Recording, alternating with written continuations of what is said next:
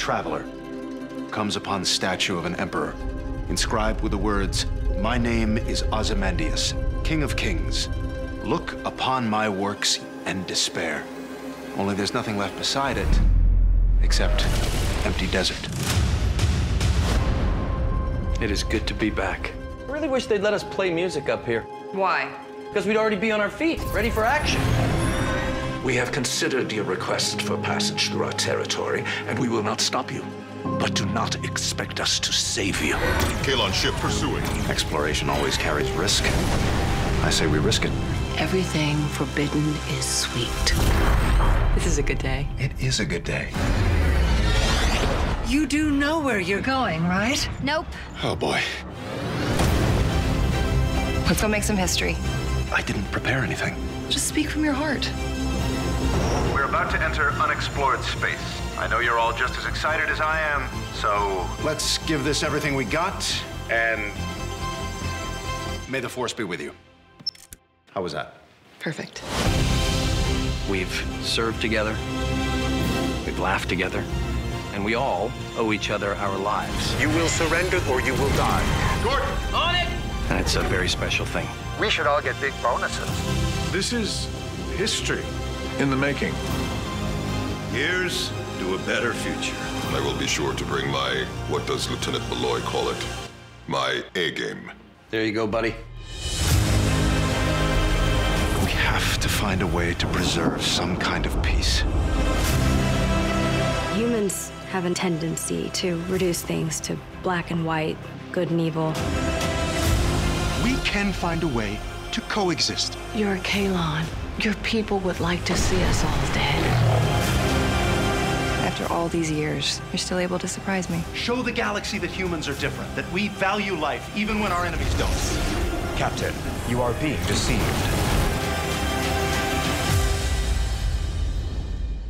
It's almost like yesterday was one life, and today's another. And everything's different on this side of time.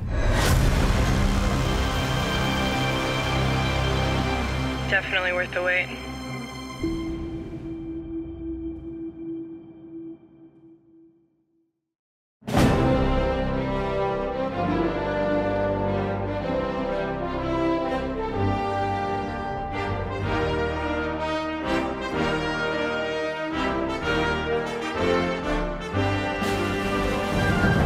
Han passat ja més de 3 anys. El dia 25 d'abril del 2019, als Estats Units, es va emetre l'últim episodi de la segona temporada de The Orville, The Road Not Taken, on se restaurava la línia temporal que havia trencat Kelly al tornar al passat i recordar tot el que passava i dir, pues no vull que estar amb Ed. Així que acaba la sèrie amb l'embolic que s'havia creat on la humanitat havia sigut pràcticament destruïda i no quedava res, salvo alguns que resistien. Casualment, la tripulació de The. Però mm, tornem a lo que era la normalitat, no? Aleshores tenim que veure, tenim que tornar a l'episodi Sanctuary, que és el 12, en valencià Santuari. Esta és una de les traduccions més difíciles que he tenido que hacer. I era un episodi en el que se jutjava si se li donava entitat de planeta independent a un santuari, al planeta santuari, on anaven les dones dels Moclans. Encara que no he fet el recap d'aixòs episodis encara, tinc pendent fer-ho, que per cert vull demanar-vos perdó, perquè la meva idea era que abans de que s'estrenara The Orville pues, haver fet el recap de tots els episodis, però ja sabeu, la, la mala salut me ho ha impedit. Però almenys, mira, crec que vaig a poder traure este, que és la preview, abans del divendres, perquè avui estic gravant és dia 31 de maig i és... quin dia és? Avui és dimarts. Avui és dimarts, 31 de maig, i en tres dies s'estrena la sèrie, així que vull treure això, almenys per a refrescar la memòria i recordar on estava cadascú en el moment en què s'acaba la sèrie, en el moment en què la segona temporada s'acaba la sèrie en l'episodi Santuari, perquè els dos següents van junts i aleshores ahí no passa res important. Bueno, passa algo molt important, però, però se soluciona al final i tornàvem a la casilla d'eixida. Així que anem a veure on estaven els personatges principals. Comencem pel capità, per Ed Mercer. Ja sabeu, el, el creador, Seth MacFarlane. I és que durant la segona temporada ha liderat a la Terra en la lluita contra Skylon. I com ho va fer? Encara que no hagin fet el recap, però si heu vist els episodis, aconsegueixen una aliança amb els Krill, perquè els Krill s'adonen que quan se carreguen la Terra després en van a per ells, sinó que s'uneixen per a carregar-se, no del tot, però sí per a fer fugir els Keylon que anaven a destruir la Terra. No sabem si en esta temporada això haurà sigut el principi d'una gran amistat, com, com concluïa la pel·li Casablanca, i si n'hi haurà pau entre ells o n'hi hauran encara més conflictes. Ed, acaba igual, no? I seguir seguint el capità. El que sí hem vist molt clarament és que lluita molt pels drets de totes les persones, anem a dir persones, de totes les races de la galàxia. I com vos dia abans, no? En l'episodi Santuari, ell és el que representa la Terra, millor dit, sí, és el representant de la Terra en el Consell de la Unió Planetària, on es debatia això. Així, ell defenia a les dones d'Esmoclan, Recordeu que els moclars diuen que són tot mumacho, que no n'hi ha done. Però quan ja veurem, n'hi ha moltes. I l'episodi Santuari, que tinc ganes ja de que el fem, és molt bonico i, i ja sabeu, esta sèrie és que és una sèrie que te fa pensar en moltes coses, no només te fa pensar en l'episodi, en les bromes pesades o les gamberraes que facen el duo Calavera, ja sabeu, la mar però sobretot, sobretot Maloi, que és la cabe, el cap maligne que, que fa que fan tots els, que fa les gamberraes o que proposa les gamberraes. I Kelly, per on para Kelly? Recordeu que està interpretada per Adrián, Paliki, l'esposa en la vida real de Scott Grimes, que és Maloi. Molt bé, doncs ja vos estava dient, no? Ella va canviar el seu timeline perquè al veure tot el que havia fet patir a Ed va rebutjar tindre la primera cita en ell en el passat i tot això va desenvolupar en una sèrie d'aconteixements que van acabar amb la destrucció de la Terra, de la flota estel·lar i, i al final ho vam poder solucionar, però aquest tema ja, ja l'arreglarem. Pareix, no? Estem ara en que ella i Ed, la seva relació està en un impàs han decidit que no van a tornar a estar junts. Ella és la millor number one no? de tota la flota. Recordeu que el terme que utilitza és XO, XO. I, i no, clar, es tenen que diferenciar una miqueta de, de Star Trek. En Star Trek no utilitzen això, que és un terme que sí que utilitza la, la Marina Americana. En fi, tornaran a estar junts? Veurem jo crec que algun episodi faran com que torne i després pues, diran pues no, no podem estar junts perquè tu no me pots enviar a una missió en la que jo puga morir a Xina que veurem què passa. Després tenim a, a l'oficial mèdic en cap, ja sabeu, la doctora Claire Finn. Ara mateixa ella no està amb Isaac, ja sabeu, el robot, perquè no li pot perdonar que els traïra i que per eixa traïció quasi se destruirà la Terra, no?, amb l'atac de, de la flota Kylon. Encara que en la, al final de l'episodi li va dir que arribaria el dia en què el perdonaria. Ara veurem, perquè era una relació molt, diver molt divertida, ja que ell pues, no té els sentiments com tenim els humans, però la seva interacció era divertida. I els nanos, pues, recordem, no? Tai i Marcus, pues lo que és segur, i ja ho hem vist en el tràiler, és que hauran pegat, que hauran no, que han pegat un bon estiró. Però el que dic abans és que han passat 3 anys. Lo que no sí que no sabem és quant de temps ha passat en la sèrie. Perquè la temporada 3 no és simplement eh, The Orville, sinó que li han posat el títol New Horizons. És a dir, The Orville Nous Horizons. La veritat és que no sabem de què va. Mi ha gent que ha tingut el privilegi ja de veure jo he vist algun, algun streamer que ha estat i estava flipant, estava flipant moltíssim, perquè havia vist, no sé si, era, si eren dos episodis, allí en, el, en Los Angeles feren una, una exhibició per a aixina els més geeks que n'hi ha a propet, o els més nerds, i això, pues, a veure, a veurem de què va. Però ja mos diran, per el títol a mi sabeu que me molaria. Pues New Horizons, Nous Horizons, pues que el que feren seguera com estan fent en Strange New Worlds, no? Que van a fer la missió de 5 anys explorant la galàxia a veure què troben. Això estaria molt bé i seria el clàssic Star Trek de tota la vida. Ara tenim... Uh, bueno, anem a parlar, hem parlat de la doctora Claire, doncs anem a parlar d'Isaac. Ja sabeu, és un Keylon de Keylon One, el seu planeta. I com diguem més valencians, mal embolic ha fet. Perquè mm, vaig a fer un xicot de resumen no, de lo que va passar. Va ser cridat al seu planeta Keylon i és quan se van descobrir les seues intencions. I és que no estava estudiant als humans per aprendre d'ells i per a col·laborar en ells. No, no, l'havien enviat per a veure les seues febleses i així a poder conquistar-los. Però mentre està allí Diorville segrestada a Keylon One, pues descobreixen que baix de tota, de tota la gran... que en la part baixa del planeta, que podria ser com Coruscant, pues està tot ple d'esquelets, de milers de milions d'esquelets, de persones, no sabem quina raça va ser, tampoc fan massa èmfasi no, en els cranis, però si se veu això com si segueren els el que es, com si seguera el que es trobaren els aliats al, al descobrir l'Holocaust, però molt més exagerat. No? Hitler només, entre cometes, va matar 6 milions, mentre que així pues, han sigut milers de milions, o billions, no? com diuen en anglès, que billion no és com en valencià, que en valencià billion és un milió de milions, allí no, allí és mil milions, mil, mil milions, estic dient milions, com si seguera català, és que tot s'apega. Dona igual, no? En valencià milió, en català milions. Molt bé. Al final, ell acaba traint al seu poble. I per què l'acaba traint? Pues per la relació que té amb Claire. Perquè això sí que ho vam fer en un resumen, ell va utilitzar la paraula font, és a dir, t'estima.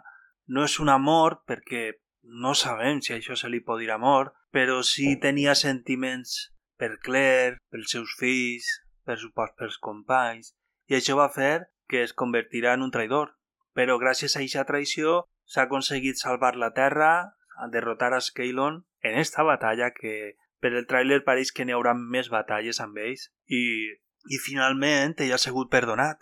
Pareix ser que ha tornat al seu puesto en la flota estel·lar i la seva relació amb la doctora Finn, ella diu que encara no podia perdonar-lo, el qual vol dir que sí que arribarà el dia que el perdonarà. I Ojalà, tant de bo. tant de bo tornen, tornen junts.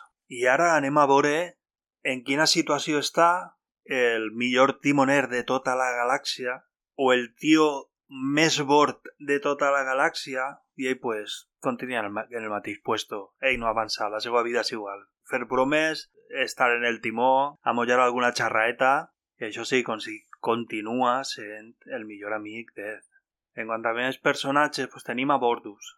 Este és un dels personatges que més ha canviat des del primer capítol. No anem a esperar d'ell que tinga emocions humanes, no? Però sí que hem vist una evolució en el personatge, sobretot des de que va néixer la seva filla, Topa, i que la van operar de bebè perquè seguirà fill. Descobrirem que el seu home, Clyden, pues també havia nascut xiqueta i quan era un bebè el van operar perquè seguirà home, perquè el govern d'allí de, del seu planeta, de Mokla, de Moklan, pues no diu la veritat sobre les dones que naixen. Diu que naixen una cada no sé quants milions, que és una cosa super estranya. Però ja en l'episodi Santuari veurem que això no és aixina, que naixen moltes més dones. El que passa és que obliguen a operar els pobres xiquets o les pobres xiquetes i fer-les maromos.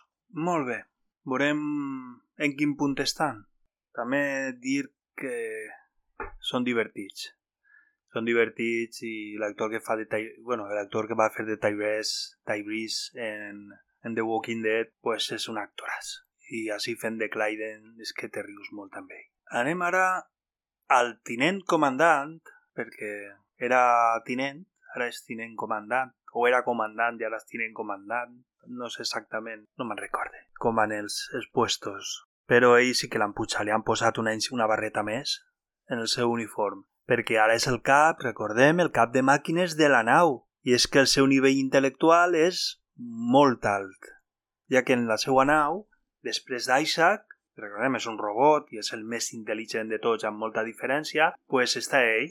Pot ser, no s'assegura, perquè vaig dir en algun episodi que tal, pot ser que estigui en una relació amorosa sèria amb l'alferes Jenny Turco, que és una xica molt guapa, però no sabem si serà així que tampoc he buscat massa sobre ella. Ara tenim a Lara. No sabem si Lara va eixir. Recordem l'actriu Halston Sage, que és la que podia ser la filla de, del nostre benvolgut capità. Podia ser la filla, però era la nòvia i quan tallaren la cosa ja estava massa tensa i ara, pues, en el tercer episodi de la segona temporada, que encara no hem repassat, ella pues, torna al seu planeta perquè el personatge està malet, té una, una malaltia en els ossos i necessita tornar al seu planeta per a, per a curar-se. El que sí recordem és l'actor que fa de son pare, que és el gran Robert Picardo, amb el nom de Ildis Kitan. Ildis. No l'ha sentit mai, això nom. Jo espero molt que aparega esta temporada, perquè des de que el vas descobrir a Star, a Star Trek Voyager, pues ja el coneixia de Stargate, però era un personatge completament diferent, però és el doctor favorit de tots nosaltres, Voyager, i és que te rius molt, és un actor molt graciós. I si vos recomane, en quant a Robert Picardo, que si el podeu seguir en Instagram, us aneu a riure, perquè grava vídeos interpretant però fent la mona i, i és molt divertit. Qui ha substituït a Lara Kitan? Pues una altra xelane... Una altra... Ah, que no me ix! Una altra xelayana. Recordem, del planeta Xelaya. I és la tinenta Tala Keyali, també interpretada per la guapíssima Jessica Sor.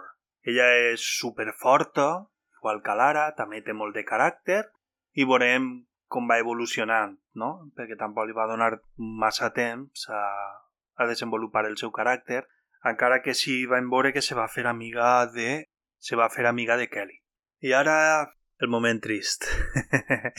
el tinent. I aquesta espècie que és l'espècie... Bueno, no és una espècie de, no, no. Eh, eh, és l'espècie gelatina, li han posat aquest nom a l'espècie, no seguen sense saber el seu planeta d'origen, però l'actor que li posa la veu, que és Norm MacDonald, pues desgraciadament ell fa molt poquet va faltar per un càncer. Ja havia gravat la seva participació, és posar la veu, però ja ho havia fet en esta tercera temporada de The Orville, i el veurem. Jo crec que serà una miqueta trist, no? Sentir-lo, diguem, bueno, fent la mona, perquè és molt graciós, és molt divertit el personatge, i saber que ha faltat, pues, jo crec que serà una miqueta trist.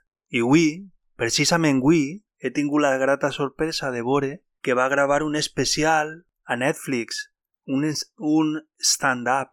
Sabeu que no el va fer l'stand-up en un escenari, no, no, el va fer des de sa casa i va dir que el gravava per si acas i si a mal tenia una operació, per si acas i si a mal l'operació i anaven mal les coses, perquè estava fatal. A més, el grava en gorra. Imagina que hauria perdut el monyo o el tindria molt mal com per, a, per a ensenyar-lo, segons el seu criteri. I el va gravar, o sigui, va ser una presa. Jo encara no l'he vist. M'estic esperant a veure los tanits si no passa res. I n'hi han diferents personalitats en este programa, bueno, en este stand-up especial, com David Letterman, Dave Chappelle, ja sabeu, és gent molt gran allí en Estats Units, uno perquè ha presentat el el show que presenta ara Steven Colbert i, i Dave Chappelle, vos ja sabeu. És un stand-up comedian dels millorets que n'hi ha, que no te por de dir res, i així estan els... és transexual, que volen matar-lo. Volen matar-lo. El que diuen de queer. El volen matar per algunes bromes que jo no li vaig veure la malícia, sinó que va estar dient coses que són veritat.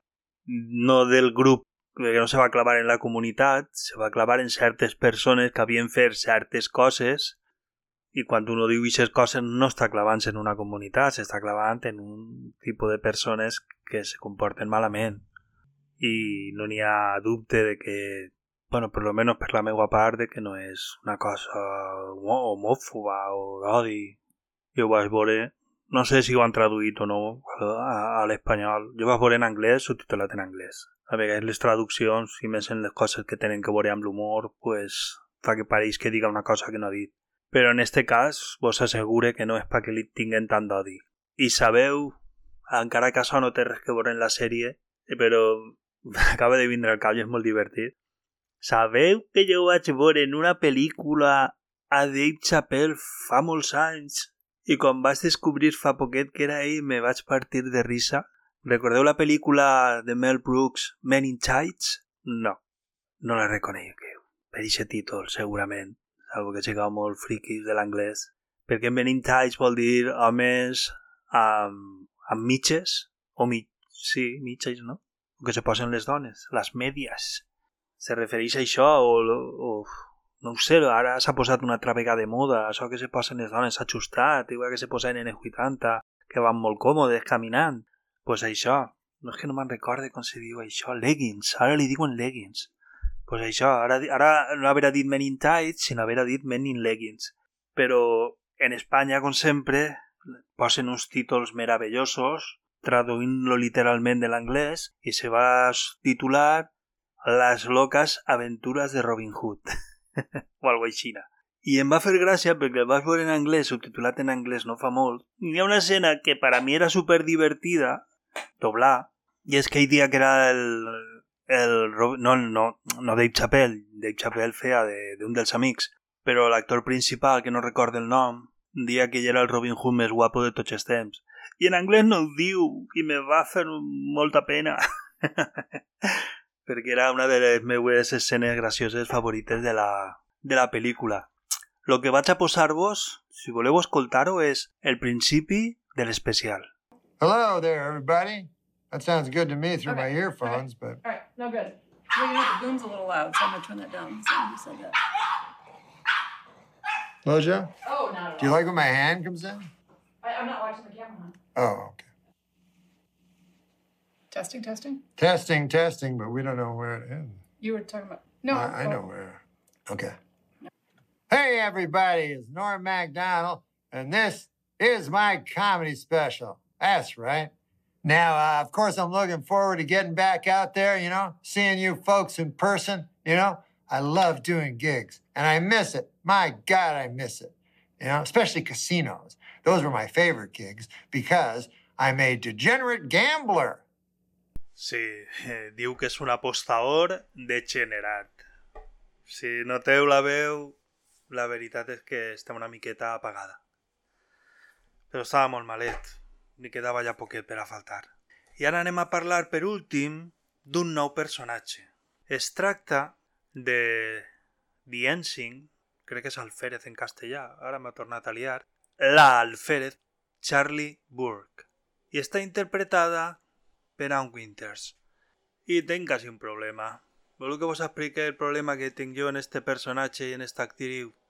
Pues que Ann Winters és la nòvia de Seth MacFarlane. I jo no dic que no siga bona actriu, jo no dic que no se merezca el paper, no, no vaig per ahí. Lo que dic és que és molt joveneta. Pues esta actriu, Ann Winters, té 20 anys, men 20 anys menys que el nostre benvolgut Seth MacFarlane.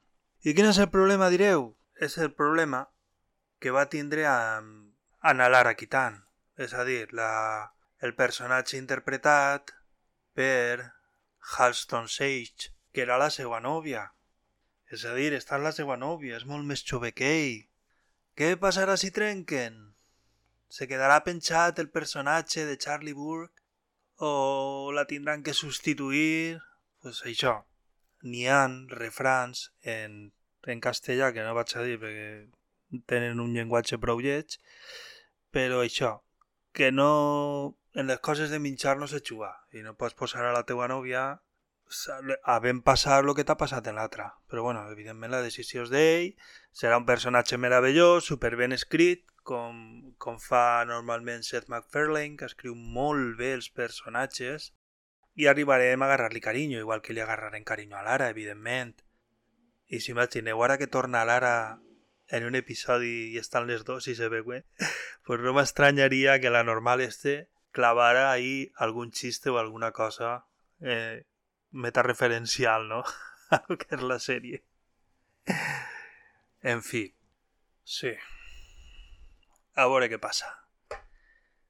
Doncs bé, fins així la intro ha sigut curtet, inclús un poquet més llarg de lo que m'esperava, però es tractava un poquet només de refrescar la memòria, saber on està cadascun dels personatges ara mateixa, i, i desitjant que arribi el divendres per a poder... No, el divendres no, el dijous, no? Si el dia 2, sí, el dijous.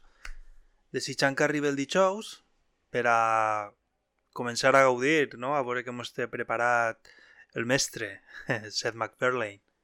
Podeu donar-li al like, ficar estreles, depenent de la plataforma en la que estigueu.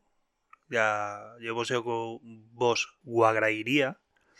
No sé si se pot saber què ha donat les estrelles o no, jo crec que no, jo encara no ho he pogut saber, els que han like i tal.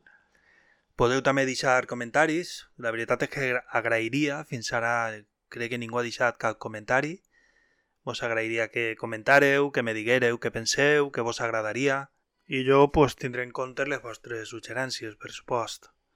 Tracta de fer una miqueta de teràpia, jo parlant de les meues coses, i, i veure què tenen que veure, que a vegades tenen que veure en les coses que... en les sèries que, que veig o les pel·lícules. Lo dit, me vaig a esforçar, jo crec que vaig a poder aconseguir perquè només és un programeta, vull dir, és només un episodi cada setmana i un episodi no costa tant com la millor fer 3 o 4 i, i ficar-li més coses.